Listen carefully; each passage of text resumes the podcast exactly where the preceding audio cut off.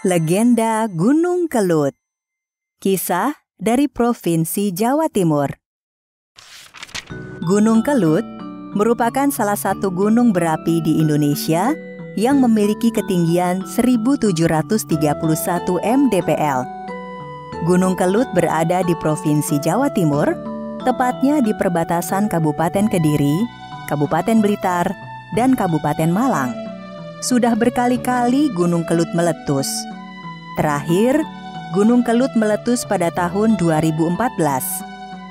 Sebagaimana cerita Nusantara lainnya, Gunung Kelut juga memiliki legenda tersendiri.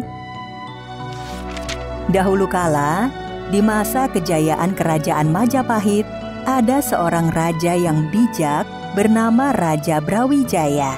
Ia memiliki seorang putri yang sangat cantik bernama Putri Diah Ayu Pusparini. Karena kecantikannya, banyak pemuda yang jatuh cinta pada sang putri.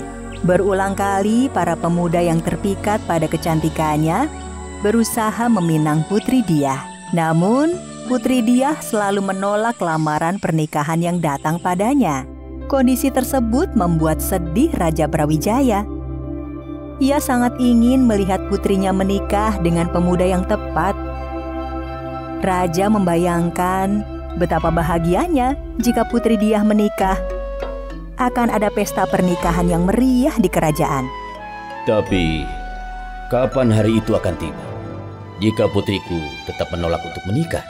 Raja Brawijaya semakin sedih. Raja kemudian berpikir untuk mengajak putrinya berbicara empat mata.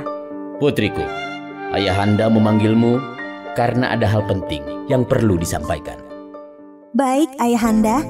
Aku siap mendengarkannya. Ayahanda sudah semakin tua. Ayahanda tahu kamu sedang mencari suami yang hebat. Ayahanda punya ide untuk mengadakan sayembara. Bagi siapa pun laki-laki yang bisa meregangkan busur Kiai Garuda Yaksa dan mengangkat gong Kiai Sekar Delima, dia akan menjadi suamimu. Putri Diah kaget, namun tidak berani menolak permintaan ayahnya. Ia tidak mampu berkata-kata. Ia tahu ayahnya sangat menginginkan dirinya menikah. Jika itu yang terbaik menurut ayahanda, aku siap mengikuti dan melaksanakan apa pun hasil sayembara itu ayahanda. Putri Diah termenung di kamarnya. Dia bingung harus bagaimana. Dia hanya berharap mendapatkan calon suami yang hebat. Putri dia tahu, busur Kiai Garuda Yaksa dan gong Kiai Sekar Delima memiliki kekuatan gaib.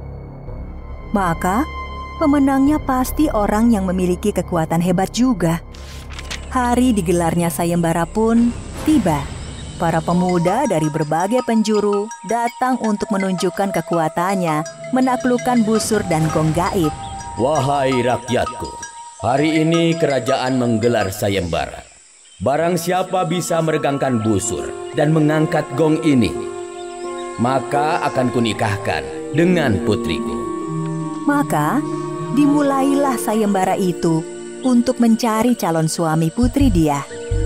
Satu persatu para pemuda mencoba meregangkan busur dan mengangkat gong. Giliran saya, saya yakin saya bisa menaklukkan busur dan gong ini. Biar saya saja. Saya peserta terakhir. Saya pasti menang. Namun, tidak ada satupun yang berhasil. Raja Brawijaya berencana menghentikan sayembara tanpa pemenang. Dia berpikir tidak akan ada yang bisa memenangkan sayembara. Namun tiba-tiba, seorang pemuda datang dan menyatakan keinginannya untuk menjadi peserta. Jangan hentikan sayembara sekarang. Saya belum mencobanya. Semua orang pun menatapnya. Pemuda ini berbeda dengan pemuda lainnya. Sangat aneh. Kepalanya tidak seperti kepala manusia. Dia memiliki kepala banteng. Siapa namamu?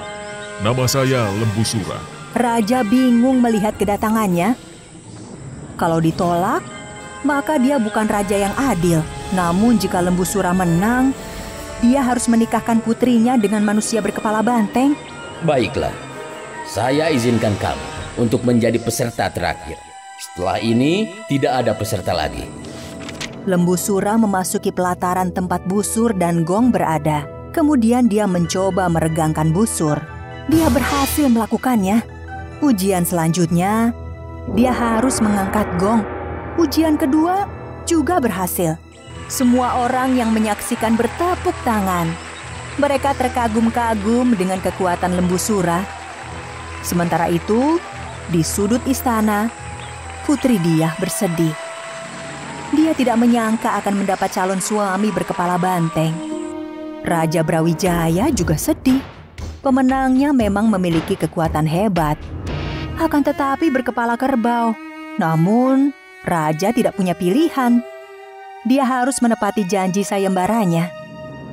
Maka, raja pun meminta anak buahnya untuk menyiapkan upacara pernikahan putrinya. Hari pernikahan putri dia semakin dekat. Semua persiapan sudah hampir selesai. Namun putri dia semakin sedih. Dia sangat ingin membatalkan pernikahannya. Dia mencari cara agar pernikahannya dibatalkan. Ayahanda, bolehkah aku meminta satu syarat lagi pada lembu surah?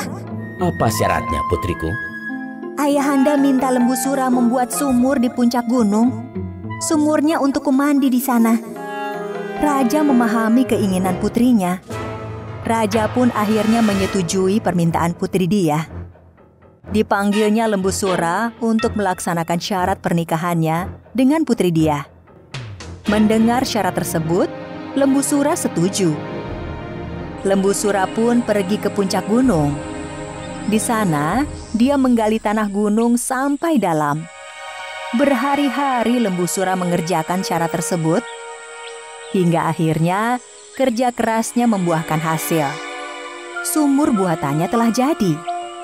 Mengetahui lembu sura berhasil membuat sumur, Putri Diah mengajukan satu syarat lagi. Dia meminta lembu sura masuk ke dalam sumur untuk mengetahui apakah airnya wangi atau tidak. Tanpa berpikir panjang, lembu sura menyetujuinya. Dia masuk ke dalam sumur yang baru selesai dibuat.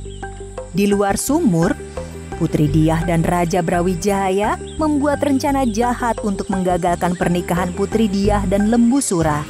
Prajurit, kalau lembu sura sudah di dasar sumur, segera tutup sumur dengan tanah sampai penuh. Baik, Tuan. Ketika Lembu Sura sudah sampai di dasar sumur, para prajurit segera melaksanakan perintah raja untuk menutup sumur tersebut. Mereka melempar tumpukan tanah ke dalam sumur. Lembu Sura yang sudah berada di dalam sumur tidak berdaya ditimpa tumpukan tanah. Dia tidak bisa berbuat apa-apa. Sebelum meninggal dunia, dia mengutuk Raja Brawijaya. Raja Brawijaya, tunggu balas dendamku. Aku akan menghancurkan kerajaanmu.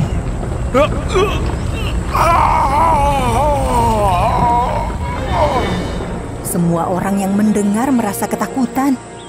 Mereka sangat yakin Lembu Sura akan membalas dendam pada kerajaan karena kerajaan tidak adil dan tidak menepati janjinya. Hingga saat ini, setiap kali Gunung Kelut meletus, masyarakat setempat mengatakan Lembu Sura sedang membalas dendam.